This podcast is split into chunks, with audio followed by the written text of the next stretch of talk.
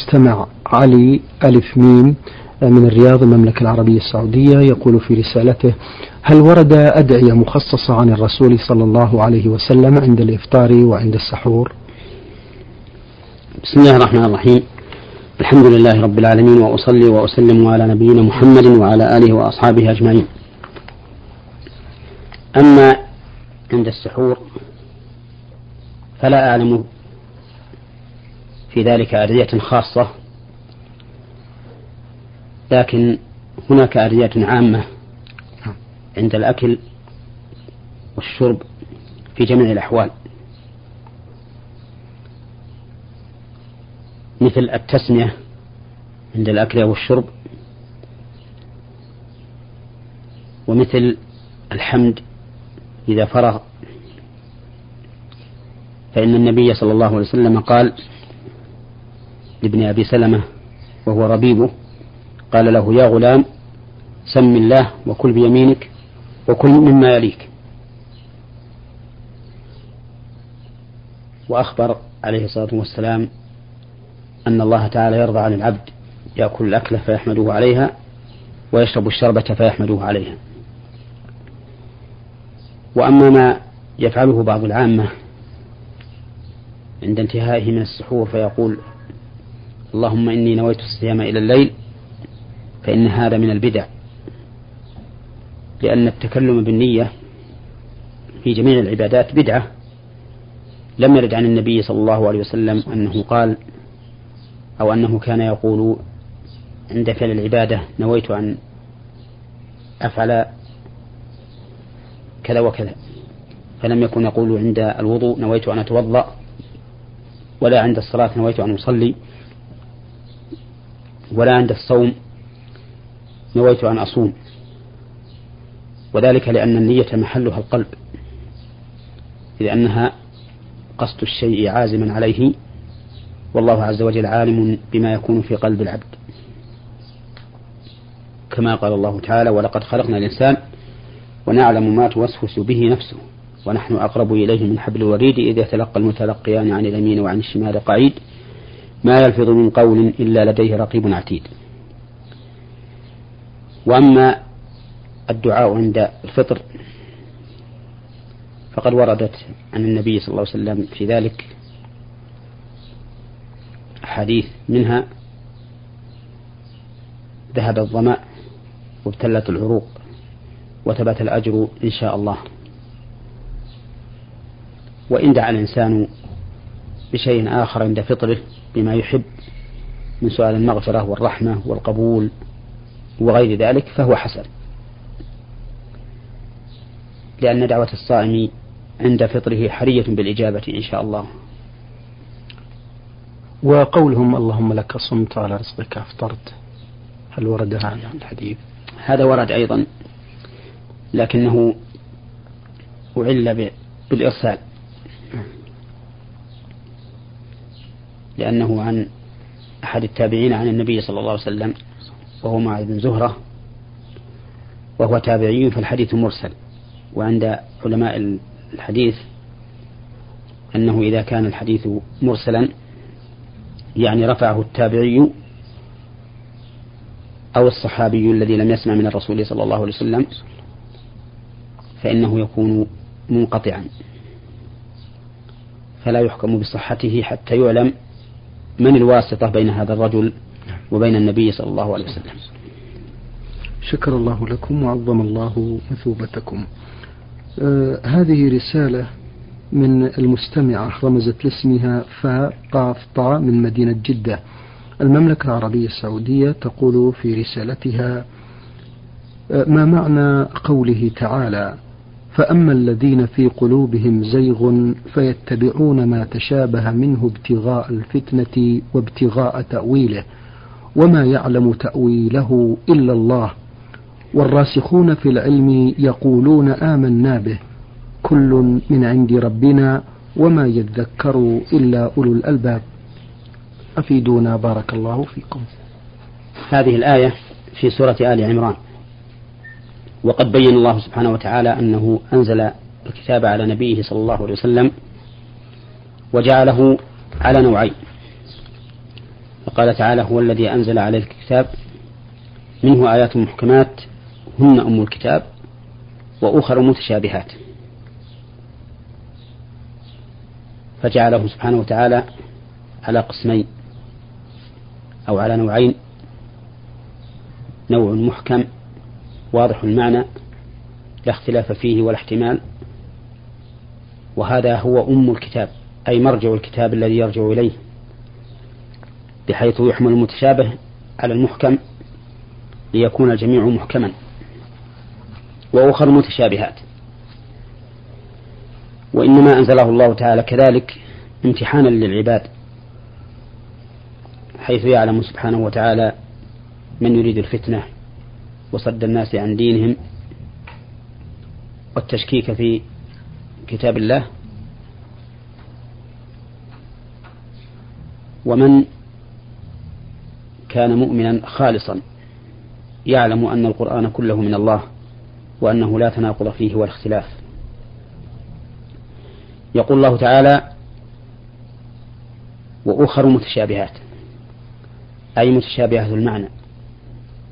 ليست صريحة واضحة بل تحتاج إلى تأمل ونظر وحمل لها على ما كان واضحا بينا. فأما الذين في قلوبهم زيغ أي ميل عن الحق واتباع للهوى فيتبعون ما تشابه منه أي يتابعونه ويتتبعونه حتى يجعلوا ذلك وسيلة إلى الطعن في كتاب الله عز وجل. ولهذا قال ابتغاء الفتنة وابتغاء تأويله. ابتغاء الفتنة يعني صد الناس عن دينهم. كما قال الله تعالى إن الذين فتنوا المؤمنين والمؤمنات ثم لم يتوبوا فلهم عذاب جهنم ولهم عذاب الحريق. يعني إن الذين صدوا المؤمنين عن دينهم وفتنوهم. وابتغاء تأويله أي طلب تحريف القرآن وتغييره عن مكانه وعما أراد الله به. يقول الله عز وجل وما يعلم تأويله إلا الله والراسخون في العلم. والتأويل هنا اختلف فيه أهل العلم بناء على اختلاف القراءتين وصلا ووقفا فإن في الآية قراءتين. قراءة الوصل وما يعلم تأويله إلا الله والراسخون في العلم. فيكون المعنى فيكون المراد بالتأويل هنا التفسير. ولهذا روي عن روي عن ابن عباس رضي الله عنهما أنه قال أنا من الراسخين في العلم الذين يعلمون تأويله أي يعلمون تفسيره. وكان ابن عباس رضي الله عنهما من أعلم الناس بتفسير كلام الله.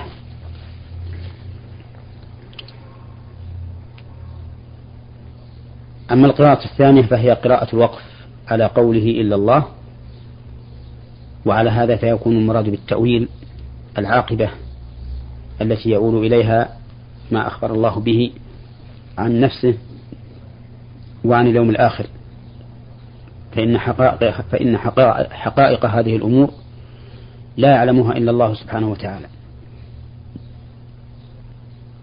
وعليه فيكون الوقف على قوله إلا الله وهذا هو ما ذهب إليه أكثر السلف في القراءة.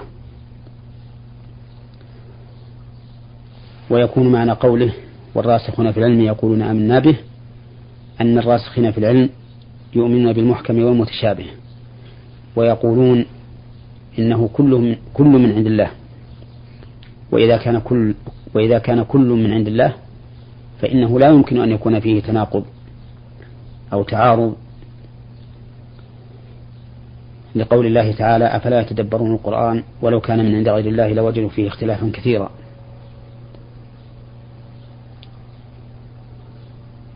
ثم ختم الله الآية بقوله وما يذكر إلا أولو الألباب.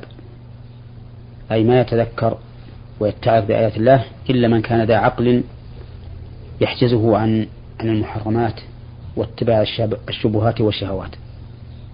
نعم. شكر الله لكم. آه، أيضا تقول المستمعة في رسالتها وفي سؤالها آه، هل يجوز للمرأة في نهار رمضان أن تكتحل أو تمس شيئا من الطيب؟ أفيدونا في ذلك. بارك الله فيكم. نعم يجوز للمرأة ولغيرها أيضا أن تكتحل في نهار رمضان وأن تقطر في عينها وأن تقطر في أذنها وأن تقطر في أنفها أيضا لكن القطور في الأنف يشترط فيه ألا يصل إلى الجوف لأنه إذا وصل إلى الجوف عن طريق الأنف كان كالأكل والشرب. ولهذا قال النبي عليه الصلاة والسلام للقيط بن صبرة بالغ في الاستنشاق إلا أن تكون صائما. وهذا دليل على أن ما وصل عن طريق الأنف فحكمه حكم ما وصل عن طريق الفم. ويجوز لها كذلك ولغيرها أن تمس الطيب وأن تستنشق الطيب من دهن العود ونحوه. وأما البخور فإنه يجوز للصائم أن يتبخر لكن لا يستنشق الدخان لأن الدخان جرم يصل إلى الجوف لو استنشقه وعلى هذا فلا يستنشقه.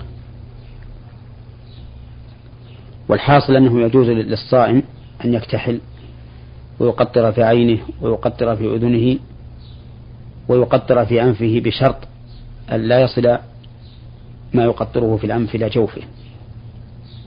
ويجوز له أن يتطيب بجميع أنواع الطيب وأن يشم الطيب إلا أنه لا يستنشق دخان البخور لأن الدخان ذو جرم يصل إلى المعدة فيخشى أن يفسد صومه بذلك. شكر الله لكم. آه هذه رسالة أحمد عين باء اليمن الشمالي إب يقول في رسالته ما معنى الحديث الشريف؟ من صام رمضان إيمانا واحتسابا غفر له ما تقدم من ذنبه وما تأخر. هل معنى هذا أن الصوم يكفي دون دون سائر العبادات مثلا؟ رجل يصوم ولكنه لا يصلي ويؤدي بقية العبادات. هل هذا داخل ضمن هذا الحديث؟ أفيدونا بارك الله فيكم. ذكر السائل في هذا الحديث غفر له ما تقدم من ذنبه وما تأخر. ولكن الزيادة وهي قوله وما تأخر لا تصح. والثابت قوله صلى الله عليه وسلم من صام رمضان إيمانا واحتسابا غفر له ما تقدم من ذنبه. ومعنى قوله إيمانا واحتسابا أي إيمانا بالله عز وجل وتصديقا بخبره. ومعنى احتسابا أي تحسبا للأجر والثواب المرتب على صوم رمضان. وأما قوله صلى الله عليه وسلم غفر له ما تقدم من ذنبه فالمراد ما تقدم من صغائر الذنوب وليس من كبائرها. هذا هو رأي الجمهور في مثل هذا الحديث. حملا له على قوله صلى الله عليه وسلم الصلوات الخمس والجمعة إلى الجمعة ورمضان إلى رمضان مكفرات لما بينهن ما اجتنبت الكبائر. وعلى هذا فلا يكون في الحديث دلالة على مغفرة كبائر الذنوب. ومن العلماء من أخذ بعمومه وقال إن جميع الذنوب تغفر ولكن بشرط أن لا تكون هذه الذنوب موصلة إلى الكفر.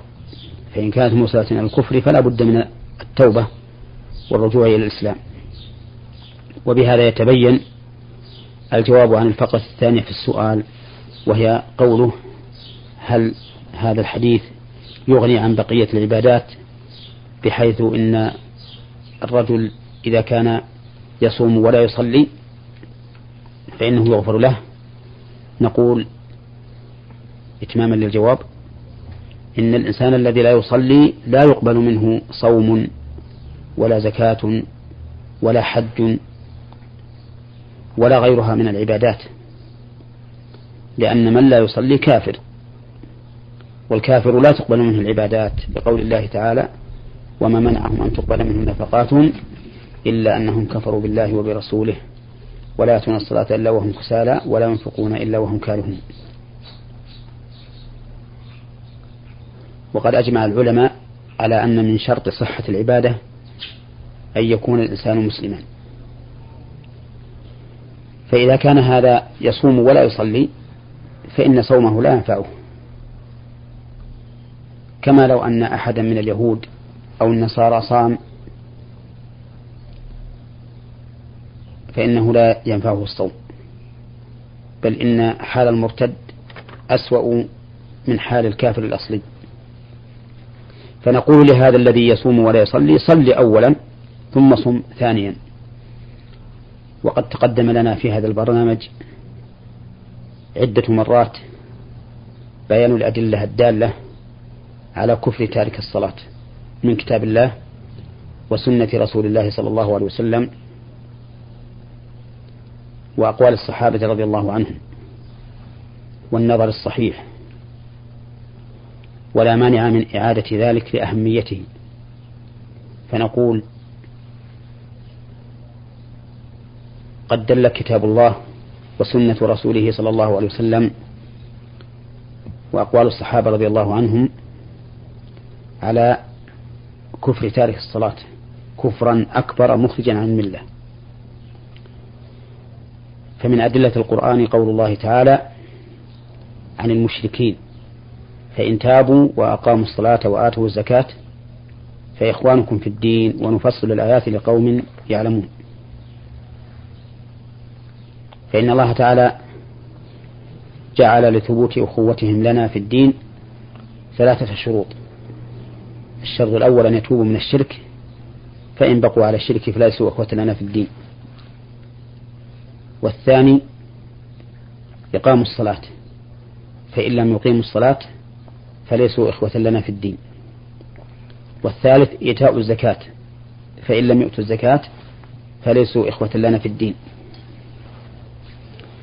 أما الماء أما الأول وهو أنهم إذا لم يتوبوا من الشرك فليسوا إخوة لنا فأمر هذا ظاهر ولا إشكال فيه. وأما الثاني وهو إذا لم يقيم الصلاة فليسوا إخوة لنا في الدين فهو أيضا ظاهر من الآية. ويؤيده نصوص أخرى. منها قوله تعالى فخلف من بعدهم خلف أضاعوا الصلاة واتبعوا الشهوات فسوف يلقون غيا. إلا من تاب وآمن وعمل صالحا فأولئك يدخلون الجنة ولا يظلمون شيئا. فقوله تعالى إلا من تاب وآمن يدل على أنهم في حال إضاعتهم للصلاة ليسوا بمؤمنين. ومنها أي من الأدلة الدالة على كفر تارك الصلاة قول النبي صلى الله عليه وسلم بين الرجل وبين الشرك والكفر ترك الصلاة. والكفر المحلى بأل الدالة على الحقيقة لا يكون إلا الكفر المخرج عن الملة.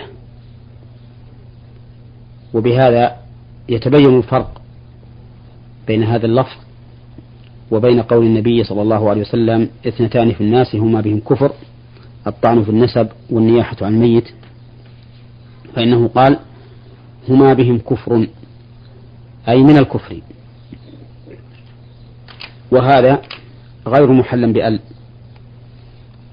فلا يكون دالا على الكفر الحقيقي المخرج من الإسلام وإنما يدل على أن هذا من خصال الكفر. وقد أشار إلى هذا المعنى شيخ الإسلام ابن تيمية رحمه الله في كتابه اقتضاء الصراط المستقيم وخالفة أصحاب الجحيم. ومن الأدلة الدالة على كفره قول النبي صلى الله عليه وسلم العهد الذي بيننا وبينهم الصلاة فمن تركها فقد كفر. فهذه الأدلة من كتاب الله ومن سنة رسوله صلى الله عليه وسلم تقتضي أن من لم يصلي فهو كافر كفرا مخرجا عن الملة. وأما قوله تعالى وآتوا الزكاة فإن دلالتها على أن من لم يزكي فليس أخا لنا في الدين. عن طريق المفهوم ولكن هذا المفهوم معارض بمنطوق صريح في أن تارك الصلاة تارك الزكاة الذي يمنع إعطاءها مستحقها ليس بخارج من الإسلام.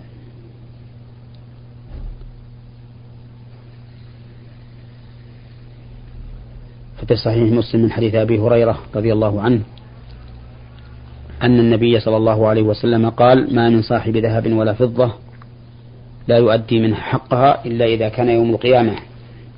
صفحت صفائح من نار وأحمي عليها في نار جهنم فيكوى بها جنبه وجبينه وظهره كلما بردت أعيدت في يوم كان مقداره خمسين ألف سنة حتى يقضى بين العباد ثم يرى سبيله إما إلى الجنة وإما إلى النار.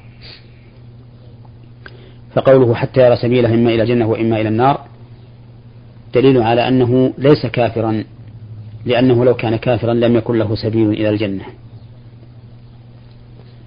وأما أقوال الصحابة الدالة على كفر تارك الصلاة كفرا مخرجا عن الملة فكثيرة. ومنها قول عمر رضي الله عنه لا حظ في الإسلام لمن ترك الصلاة. وقد حكى بعض أهل العلم إجماع الصحابة رضي الله عنهم على كفر تارك الصلاة.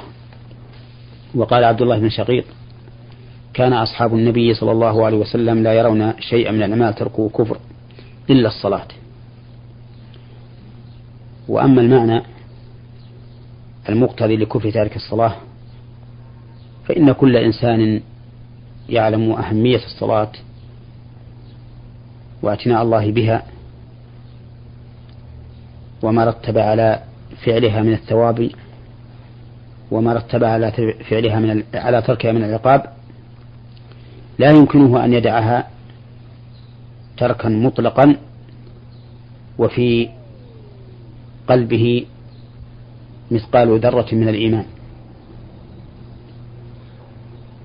فإن تركها تركا مطلقا يستلزم فراغ القلب من الإيمان بالكلية.